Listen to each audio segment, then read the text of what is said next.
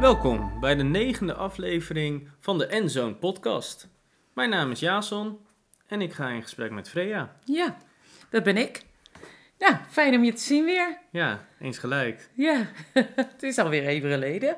Nou ja, een week. Zo is het. Gaat toch snel de tijd. Ja. Nou, als ik me ergens op voorbereid heb, niet deze podcast. Wat dan? Nou, een beetje druk. Ja. Ja. ja, dat had ik ook wel. Maar ik denk wel dat het een heel belangrijke aflevering gaat worden. Ja, dat, dat hoop ik. En ik denk het ook. Omdat, maar toch, aan de andere kant... ehm, ik heb niet zoveel last gehad, zoals vorige jaren. Van gedachten of dingen waardoor ik verdrietig zou zijn of zo. Nee, ik heb gewoon lekker in een boek gelezen in de tussenliggende momenten die ik had. Dat was trouwens wel een heel bijzonder boek. was van eh, Arthur Japin. Die- Arthur? ja, Arthur Japin, dat is een hele beroemde schrijver in Nederland. Ja. En eh, dan had ik een boek uit de kast gepakt bij de Biep, De Man van Je Leven. En ik dacht, oh, dat is een leuk boek. Nou, De wat? De Man van Je Leven.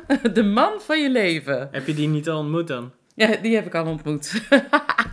Daarom, het leek mij een leuk boek en het begon ook aardig grappig. Maar het ging over maar één ding. En dat was de dood van iemand die eraan zat te komen. Want de, persoon was eh, ziek geworden. Nou, dat slaat wel op het thema. Ja, Want eh, we ja. gaan het eh, vandaag hebben over rouw. Ja, Rouw en herdenken. ja. En in dat boek stond iets bijzonders. Dat ik dacht, oh, hoe kan je als schrijver zo goed jouw hoofdpersoon laten nadenken over... Dat kan alleen maar als je, lijkt mij... Als je, zo schrijft hij dat dan ook, dat, dat je, je, je leeft alsof je niet doodgaat. We klampen ons vast aan het, idee dat we altijd zullen zijn. Dat idee hebben we altijd en dat we nooit zullen sterven. Totdat het heel dichtbij komt door een ziekte of door dat iemand heel dichtbij daarmee geconfronteerd wordt. En dan opeens denk je, oh maar wacht eens even. Ik leef niet voor eeuwig. Nee, het is, het is tijdelijk hier. Het is eindig. Ja, Ja. ja. En dat, dat raakt me zo. Ik dacht, hoe kan je als schrijver dat zo inleven? Dat vond ik wel bijzonder. Ik weet niet wat hij heeft meegemaakt in zijn leven, maar ja, Je krijgt wel het idee dat hij in ieder geval ehm, zelf door zo'n proces heen is gegaan. ja, ik denk dat dat wel haast zal moeten Hmm. voordat je dit zo goed kan beschrijven. Ik heb er ook wel iets in herkend, zeg maar. Ja. En dat was heel verrassend, want ik dacht het is een leuke liefdesroman of zo. Maar dat was het dus niet echt. Het ging wel over wending. de liefde en het had... Ja, het, ja vreselijk. Vorige, vorige week ehm, had u het even genoemd van, eh, hè, met het ochtendritueel. ja, Van, ehm, dat dat de dankbaarheid heel erg eh, belangrijk was. U, u start uw dag met dankbaarheid. En dat het gekomen is sinds eh, uw dochter, mijn zus, is eh, overleden eigenlijk. ja. En is dat, hoe is dat nog meer? Want om daar een beetje op in te duiken. Die dankbaarheid is natuurlijk gekomen na zo'n proces. Maar hoe was dat rouwproces voor u voordat u daar kwam? Ja, ik kan het niet zo goed meer herinneren. Het is al jaren geleden. En het wordt ook wel steeds vager hoe eh, diep dat is gegaan. Eh, als ik in een tijd als deze, het, is, het was in de zomer, dus dan, eh, als ik eraan terugdenk, kan ik me nog, nog maar misschien de helft terugroepen van wat ik toen beleefde. Het was eigenlijk zo'n klap Ja, dat het fysiek zelfs pijn doet. Dat je gewoon helemaal. ehm, ik voelde, toen ik het hoorde, ik wilde het niet geloven. Nee. Ik wilde het gewoon niet geloven. En tegelijkertijd denk je, ja, dit is niet nep of zo. Dit is een echte boodschap. ja, En dan, eh, dus de pijn die dan ook gelijk eh, zich aankondigt in je lichaam, in je geest, is zo overweldigend. Dat ik dacht, oh, ik wil haar zien, ik wil, ik wil nu naar haar toe. Maar ze is er niet meer. En maar ze, ze- ja, ik kon natuurlijk niet met haar spreken, maar ik wou het wel bevestigd zien dat ze er werkelijk Ja, niet meer... precies. Ja, Dus dat wat ze achterliet, haar, haar lichaam, En- ja, haar ja, gezicht. ja, absoluut. Ja. Want je, je wilt het niet geloven en je wilt het echt zien dat het echt zo is. Want dan pas kan dat proces gaan beginnen van, oh, wacht even. Dus, dus dat, dat is wel heel interessant, want eh, er zijn natuurlijk mensen die eh, geliefdes verliezen zonder dat ze ooit eigenlijk ehm, het lichaam of het gezicht nog een laatste keer zien. Nou, dat heb ik me in die tijd ook erg gerealiseerd als iemand vermist wordt. Ja, Hoe vreselijk is dat? omdat je Dat niet je- weet of diegene echt is Of overleden die ook, nog leeft, überhaupt. of, of waar, als hij is overleden, waar, wat is er gebeurd en waar is die dan? Ja, Vreselijk. ja. Ja, Ik, ik, ik herken wel wat u zegt.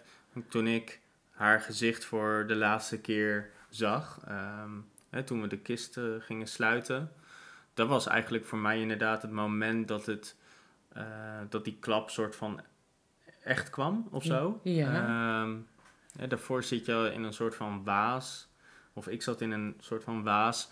En toen daarna, toen kwam eigenlijk pas de klap. En toen kon ik pas eigenlijk ook beginnen om door dat rouwproces heen te gaan. Dus ik kan me bijna ook niet voorstellen hoe dat is inderdaad om, om dat, die stap eigenlijk een soort van te moeten overslaan. En toch door Precies. het rouwproces heen moeten gaan zonder dat je ehm, eh, de- eigenlijk kan accepteren doordat je het soort... Ja, het is als een soort van fysiek bewijs. Ja, ja, ja, ja. Ehm. Maar ik vraag me af of die mensen kunnen afscheid nemen of rouwen. Ergens hoop je dan altijd nog weer dat diegene terugkomt. Ja, Als iemand vermist is. ja precies. Ja. Ja, dat, dat lijkt me het, nog erger, zeg maar. ja. Ja, en mensen zeggen wel eens, het, het ergste wat je kunt overkomen is dat je je kind, dat je kind overlijdt. Dat zeggen mensen tegen mij. Maar dat weet ik niet, want je hebt geen vergelijk met... Mijn partner leeft nog, mijn andere kinderen zijn er. eh, mijn ouders zijn wel overleden. Dat was gewoon eh, de natuurlijke gang van zaken, zeg maar. En eh, kanker, dus dat zie je aankomen ook nog. ja. Dat maakt verschil of iemand in één klap is overleden of dat er een ziekbed aan vooraf gaat. Ja. Dan weet je, oké, diegene gaat sterven en eh, wat er gaat gebeuren, dat weet je ook. Dus Het zijn wel veel inderdaad ehm, verschillende facetten die invloed hebben op dat proces op inderdaad. hoe je rouwt. Ja, Ja, en de- hoe, je... Ja, en hoe, de pijn, hoe je de pijn ervaart van het gemis van diegene. Ja, Ja, ja, zeker. ja, absoluut. Ik zat bijvoorbeeld dan op de bank. En dan was het al, be- een begrafenis en de dienst, alles was geweest. En dan zat ik hier op de bank alleen. En dan ehm, kwam er iemand binnen en dan ging de garagedeur open en dicht. Dat hoorde je dan. Ja, en dan keek ik. Oh nee. Alsof je haar verwacht. Ja, want dat was altijd. Ja, jullie komen door die garagedeur. En dat Ja. is altijd het punt van. Weet je wel? En dat, ik, dat we dan elkaar zijn. begroeten. En, Ja. en ja, het, het begin van het samen zijn. Ja, En dat, dat was eh, een geluid wat heel lang is blijven eh, geweest van eh, of zij binnenkwam. ja. Maar dat was dus niet, dan niet zo. Nee.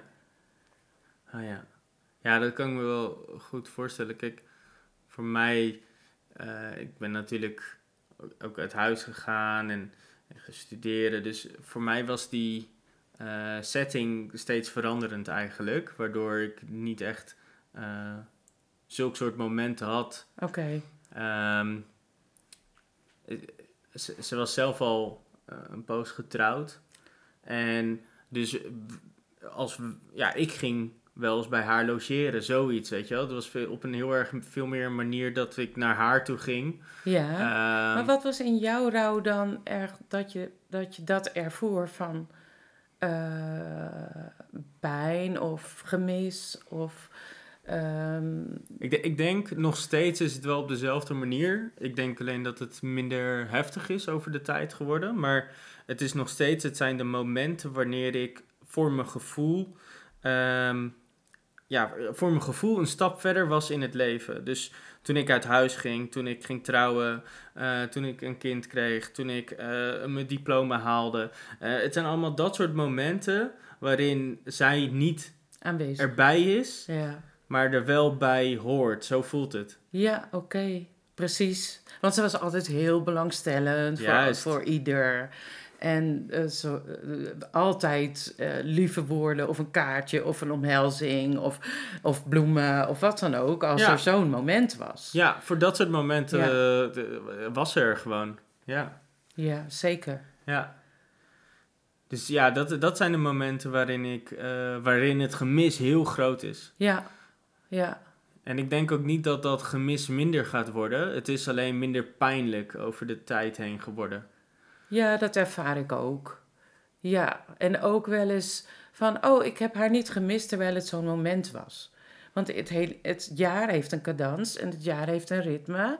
Dus er zijn verjaardagen, er is kerst, er is... En het is niet meer zo dat ik juist op die dag of op die dagen dan denk van, oh, ik mis haar zo. Nee, nu is het meer tussendoor wel eens. Ehm, of op momenten, eh, nou, we, zijn bezig met de zolder te isoleren. Dan vinden we weer foto's. Oh ja. En ja. dan, eh, oh ja, wat een mooie foto's eigenlijk, weet je wel. ja, Dan heb je echt throwbacks. De hele tijd heb je die foto's niet meer gezien. En dan, Ja. ja, dat is wel prachtig om weer even naar te kijken. En dan huil ik niet, maar dan geniet ik van die foto's. Ja, Ja, omdat je heel erg terugkijkt in hoe mooi de tijd was die je samen hebt gehad. ja, Ja. En, en dat betekent ook wel ergens dat je ook niet hebt geleefd alsof je wist dat je tijd kort was samen. Nee, en het rare is dat we die, eh, als we dat besef zouden kunnen krijgen, daar geen aandacht aan besteed hebben.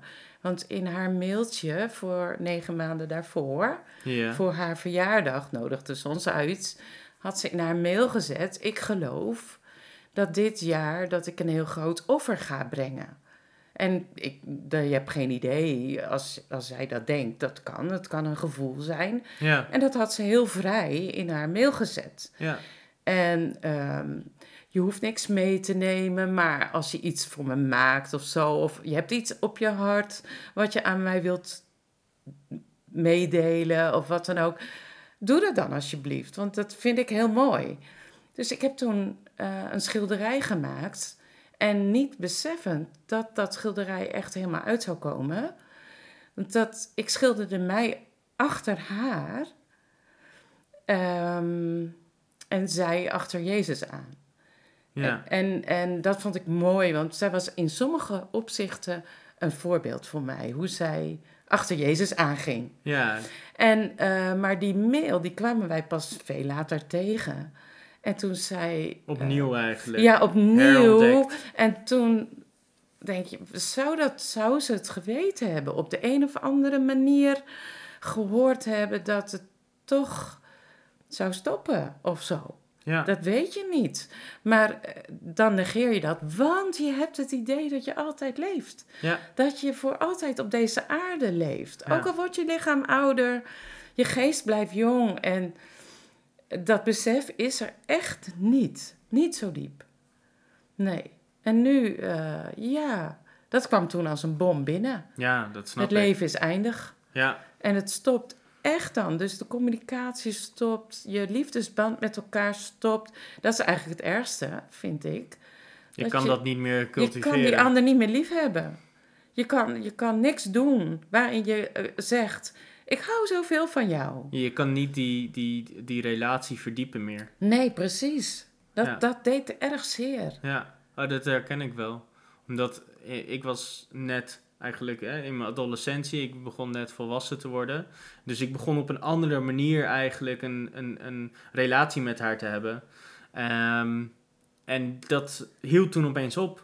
Ja, en dat was al heel gelijkwaardig geworden. Terwijl het, was eindelijk, ja, nou, het was juist eigenlijk op een punt gekomen dat we op, op, over andere dingen eh, spraken en, en, en veel meer eh, volwassen diepgang hadden in onze gesprekken. Heel mooi. Ehm, ja. en, maar toen was het opeens klaar, dus dat was ook heel moeilijk.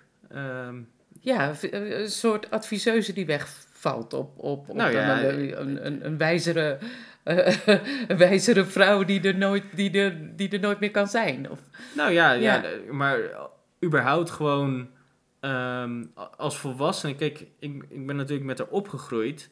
En ik, ik was een stuk jonger, dus er was ook altijd wel, wel een groot verschil in waar zij was en waar ik was. ja, En op het moment dat je zelf dan volwassen wordt, dan begin je op een andere manier met elkaar te praten. ja, zeker. Ehm, en voor haar was dat al eerder naar mij toe, maar voor mij was dat toen pas komende. En dat begon toen pas.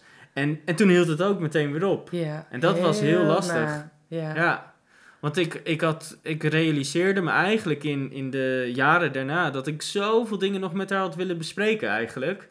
En Mm.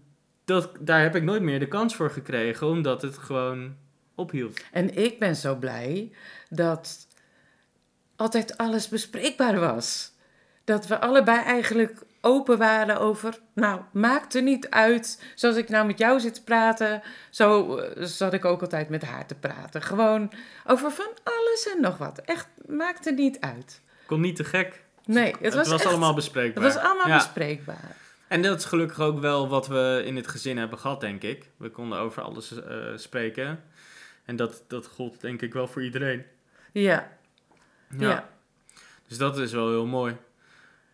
Dus ik, daar ben ik heel blij mee. Dat, dat het voelt wel, ook al was het helemaal niet af of compleet, of hè, je, je denkt het is oneerlijk, zo'n jong, eh, is er wel het, het zo vol geweest en zo goed geweest dat ik ook heel blij en dankbaar ben. Eigenlijk, en misschien is dat die dankbaarheid juist, Hm.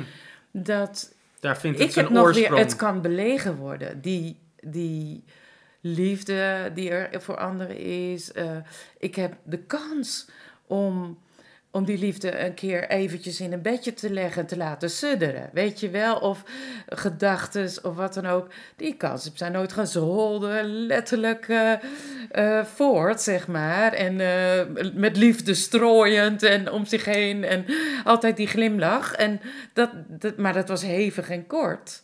En heel Ja. pril. En soms ook heel zwart-wit.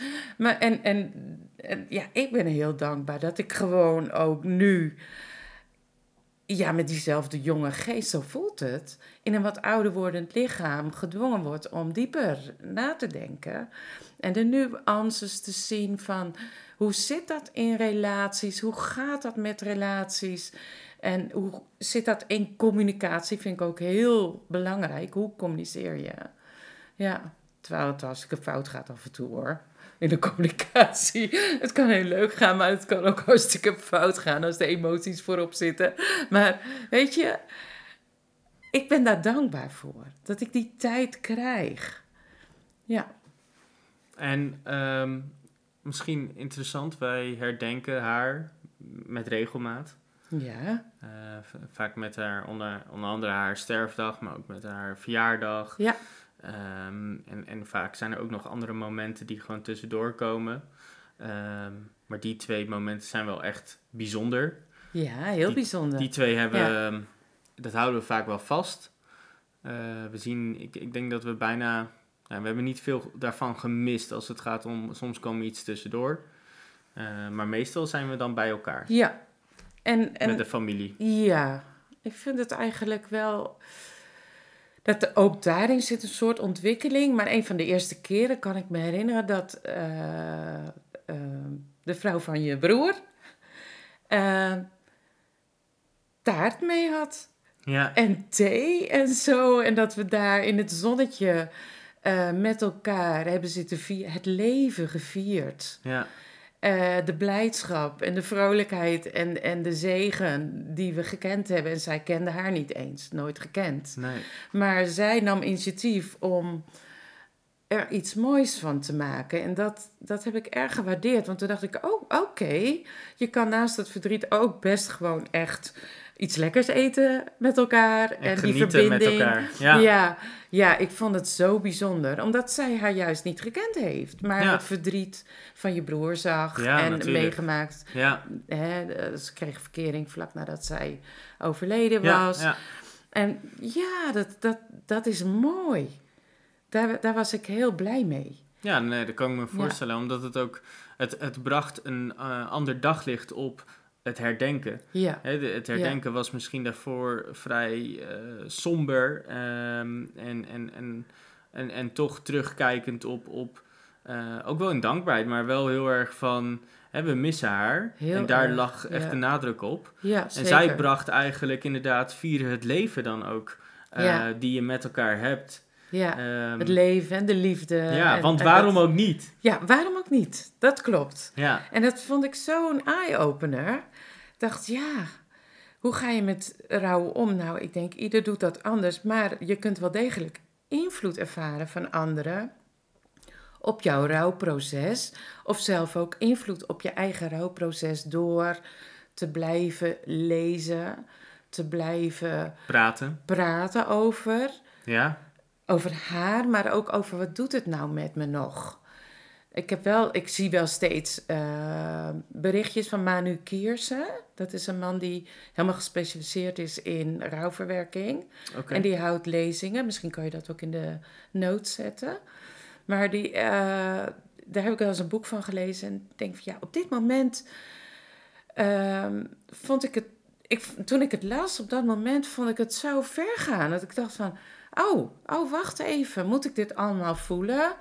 Weet Voelde je het heel, hoe bedoelt, wat bedoelt u met heel ver? Voelde het radi- radicaal of... Nou, dat, dat hij beschreef wel hoe diep dat eh, kon gaan. En eh, hoe heftig dat kon zijn. En toen dacht ik... Rauw of... Rauw. Rauw, Ja, dat, ja. Dat, dat je gewoon zo ehm, eronder zit. Dat je gewoon niks kan doen. Dat je gewoon... Dat, dat, ik begrijp dat dat kan zijn. Nou, dat de- heb ik zelf persoonlijk meegemaakt. Ja, oké. Voor mij was, eh, was het zo. Ik ging, nou ja, ik ging vrij diep door mijn rouw heen. Ehm, eh, was het niet voor een vriendin die mij uit bed trok. eh, en en eh, zei: We gaan even onder de mensen zijn en een terrasje pakken of dingen doen. Anders was ik dat bed gewoon niet uitgekomen. Ik was echt, echt depressief van, van de rouw eigenlijk. Het was zo'n zwarte wolk. Ehm, dat, dat mijn, mijn, ik weet nog wel dat mijn ritme helemaal omkeerde en dat ik pas eh, rond e- etenstijd s'avonds pas uit bed of zo kwam. Ja, ik weet nog dat ik jou om vijf uur... En nou kom je eruit en je eet met ons. Want dit is het enige wat je echt nog moet blijven doen. Wat ik wil, zeker wil dat je doet.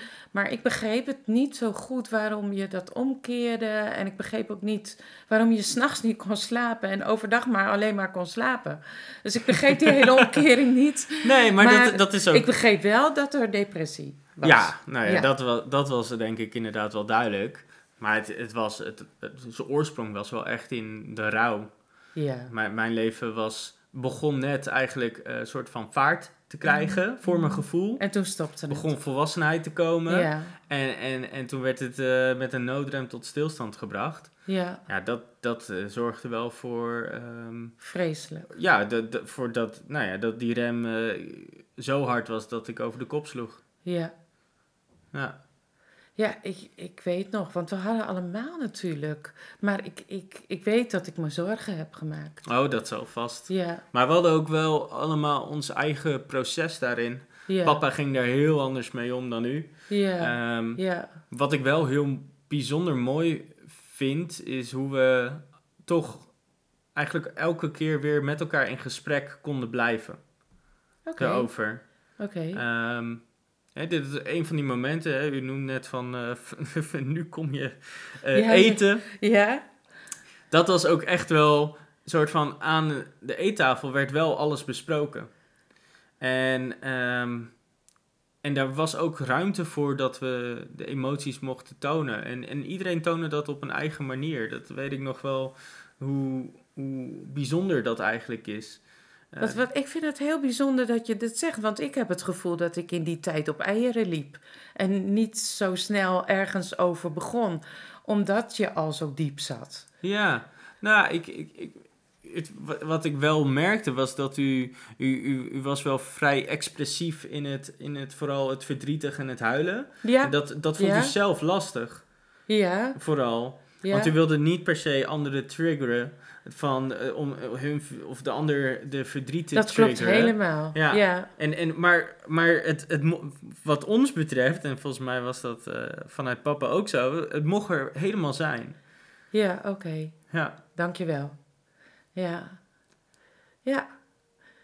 Ja, ik kan me herinneren dat ik ook een paar keer bij het graf gewoon het niet meer hield of zo. Dan, dat we dan en lachten en huilden. oh ja. En ja. dat we gewoon de armen om elkaar heen of niet. Of nou ja, dat moment even. ja. Dan komt het weer zo sterk naar boven. En het gekke is, dat mag dan daar eventjes wel zijn. Maar het moet, mag, niet, mag van mij niet zo zijn dat ik dan alle aandacht naar me toe trek of zo. nee, weet je wel? ik snap dat gevoel wel. Maar dat is denk ik niet wat er snel gebeurt. Maar dat is uw gevoel dat dat dan...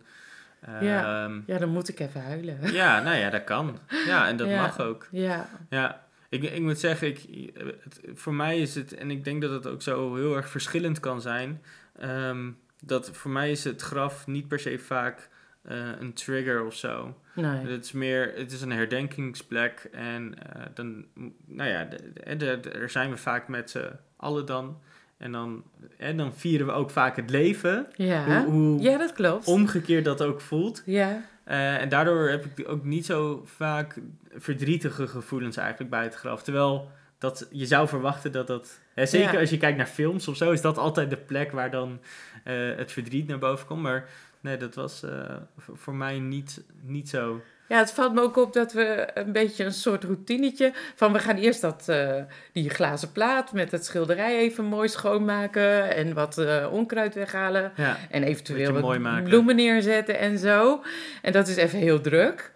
En eh, iedereen staat een beetje zo te dralen. En, en dan komt er een soort stilte een momentje. rustmomentje. Ja. ja. Ja, want eh, ergens heb je een soort van eh, de verantwoordelijkheid om het netjes te houden. En dus dat pak je als eerste op. Hè? Ja, Je doet eerst je, wat moet er gebeuren. Nou, dat doe je dan. Ja, En dan vervolgens bedenk je, oh ja, waarom waren we hier ook weer? En dat is de precies. wanneer Dat, dat... dat, krijgt dan die ruimte. Ja, ja, ja. ja. ja, Ja, en dan vervolgens gaan we vaak over naar hoe vieren we ook weer het leven. en dan heb je alsnog je wat en waarom en hoe gehad. Ja, maar ik zat laatst eh, in de auto en eh, de zoon van je broer stelde een vraag. Hoeveelste kind ben jij van je moeder? Vroeg hij aan mij. Ik ben zijn oma. Toen dacht ik, wow. En toen ging het ook over, ehm, oké. Want ik ben met keizersnee geboren en dat vertelde ik dan zo. Oh, an- anders had ik dood. Oh, dan had je dood gegaan. Dan was papa er niet geweest en dan was ik er niet geweest. Oh, wat, wat fijn dat je met de keizersnee geboren kon worden. En toen dacht ik, oh, wat is dit bijzonder. Ik praat nu al met mijn kleinzoon over leven en dood en hoe dicht dat bij elkaar zit. Hmm. Ik vond het een heel mooi moment eigenlijk. Ik dacht, ja, Ja. dan realiseert zo'n kind zich ook van, oh joh, ja, Ja, nageslacht is niet zomaar een gegeven. Nee, Nee. nee. Maar ik vond het, he- ja, kostbaar, zeg maar. Ja, nee, snap ik. Maar dat is wel eh, mooi. Betekent ook, want u bent volgens mij eh, de jongste. Ik ben de jongste. En eh, ook nog eens vrouw. Ja, Dus dan outlive, eh, dan en leef je vaak langer dan de rest. ja, dat kan. Kijkt u daar tegenop? Ehm, ja, al mijn broers en zussen leven nog. En, en, en hun partners. En daar ben ik heel blij mee. Maar inderdaad, schoot, schiet me wel eens door mijn hoofd. Ja, want dat heb jij dus al niet meer. Jouw, jouw zus is al overleden. Ja, Maar ik heb dat niet gekend. Ik weet gewoon niet wat het is dat er een broer of zus nee. overlijdt. En eigenlijk realiseer ik me ook, als ik dat in mijn omgeving meemaakte, wist ik niet hoe erg dat eigenlijk is. Dat, dat, dat kwam pas daarna. Ja. Ja. Ja. Ja, en, en misschien is dat ook wel heel logisch. Ik bedoel, de eerste ehm, sterfte die ik heb, bewust heb meegemaakt was van... Is het mijn overgrootoma? Oh Denk ja, ik. ja, Dat- mijn oma. Dat, ja, Ja, ja, ja. Ja, dus waarin volgens mij Nou, ik weet niet zeker, maar volgens mij... Jij hebt nog- zo'n knop Ja, zo'n knop dichtgedraaid. van de kist, van de, van het deksel dichtgedraaid. of, of was het mijn broer? Nee, In ieder dat geval, was ik was erbij. Ja, jij wilde erbij Ja. zijn en jij hebt die knop dichtgedraaid. nou, ik was heel super bijzonder. jong. Jij was klein. Maar het was... Ik, ik weet nog wel dat ik... Dat, dat was het eerste... Nou ja, de eerste sterftegeval die ik bewust heb meegemaakt. Oké. Dat was ook wel grappig, want ehm, als kind bad ik altijd voordat ik ging slapen. En ik bad, die ik bad ook? altijd voor die oma. Maar ik had dat riedeltje zo in mijn hoofd. Hoofd. Dat, Dat die oma dat er maar niet uitging. En die was al lang in de hemel. was... exact dat. Dus het- ik bad nog steeds voor die oma, maar de oma was al helemaal... Die was Ja. al overleden, dus dat hoefde helemaal niet meer. Nee. Maar dat zat er zo Oh. vast in.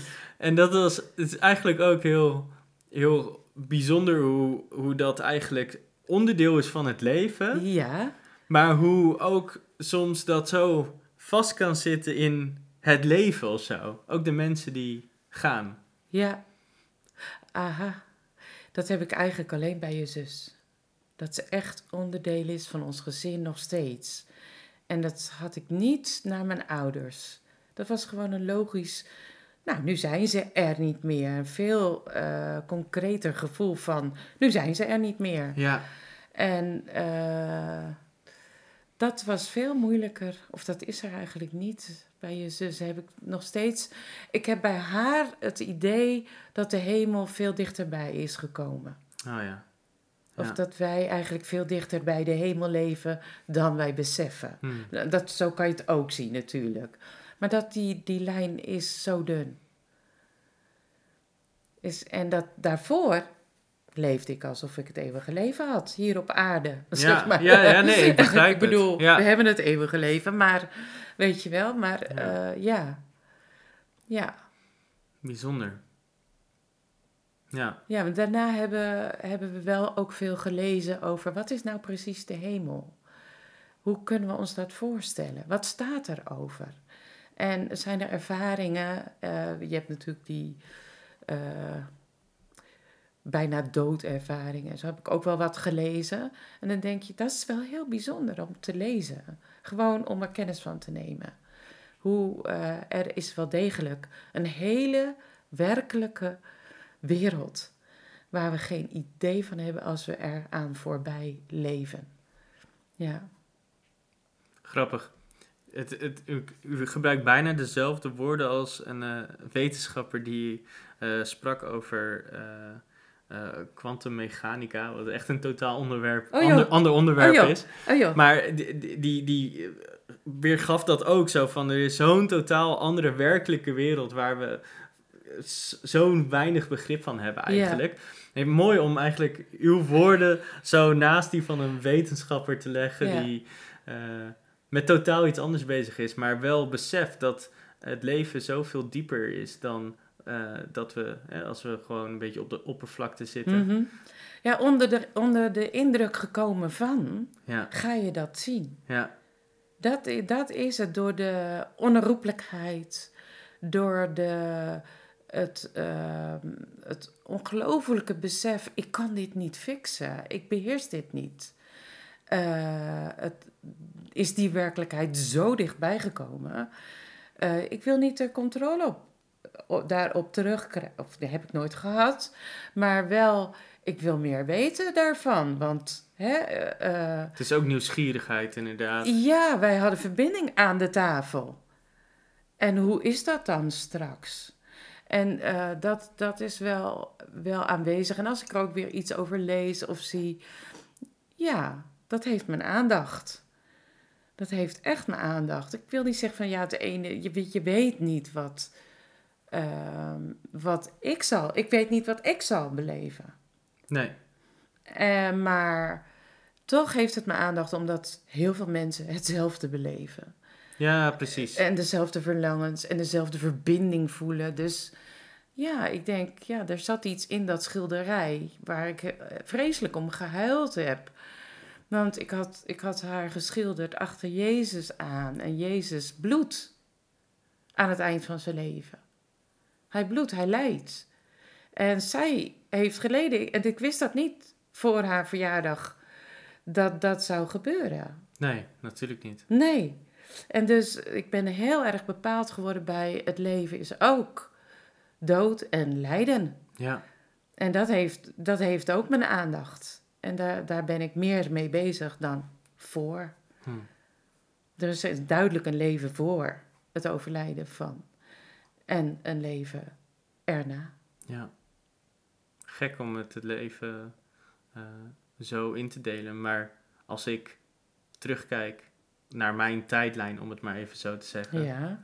dan heb ik hetzelfde. Oh, oké. En je zou kunnen zeggen, ja, dat is toevallig op hetzelfde punt dat je ongeveer volwassen werd. Ja, ja, maar, Maar dat heeft enorme Het betekenis. maakt het alleen ja, maar betekenisvoller Dat, dat dat het echt een keerpunt is. eh, ja, ja, dat ja. denk ik. Ja. Bijzonder. Ik eh, wil hem eigenlijk hierbij afsluiten. ja, dat is goed. Want het was, eh, nou, ik vond het wel een mooi gesprek. En Ja, bijzonder. bedankt. Bedankt Ja, voor je openheid. nou hetzelfde. Ik heb, we hebben toch weer dingen besproken die ik niet van tevoren wist. Dat is wel heel mooi om te Ja. horen, ja. Ja. Wat leuk. Ehm, nou, tot de volgende week in ieder geval. ja, tot de volgende week. En aan alle luisteraars, bedankt voor het luisteren.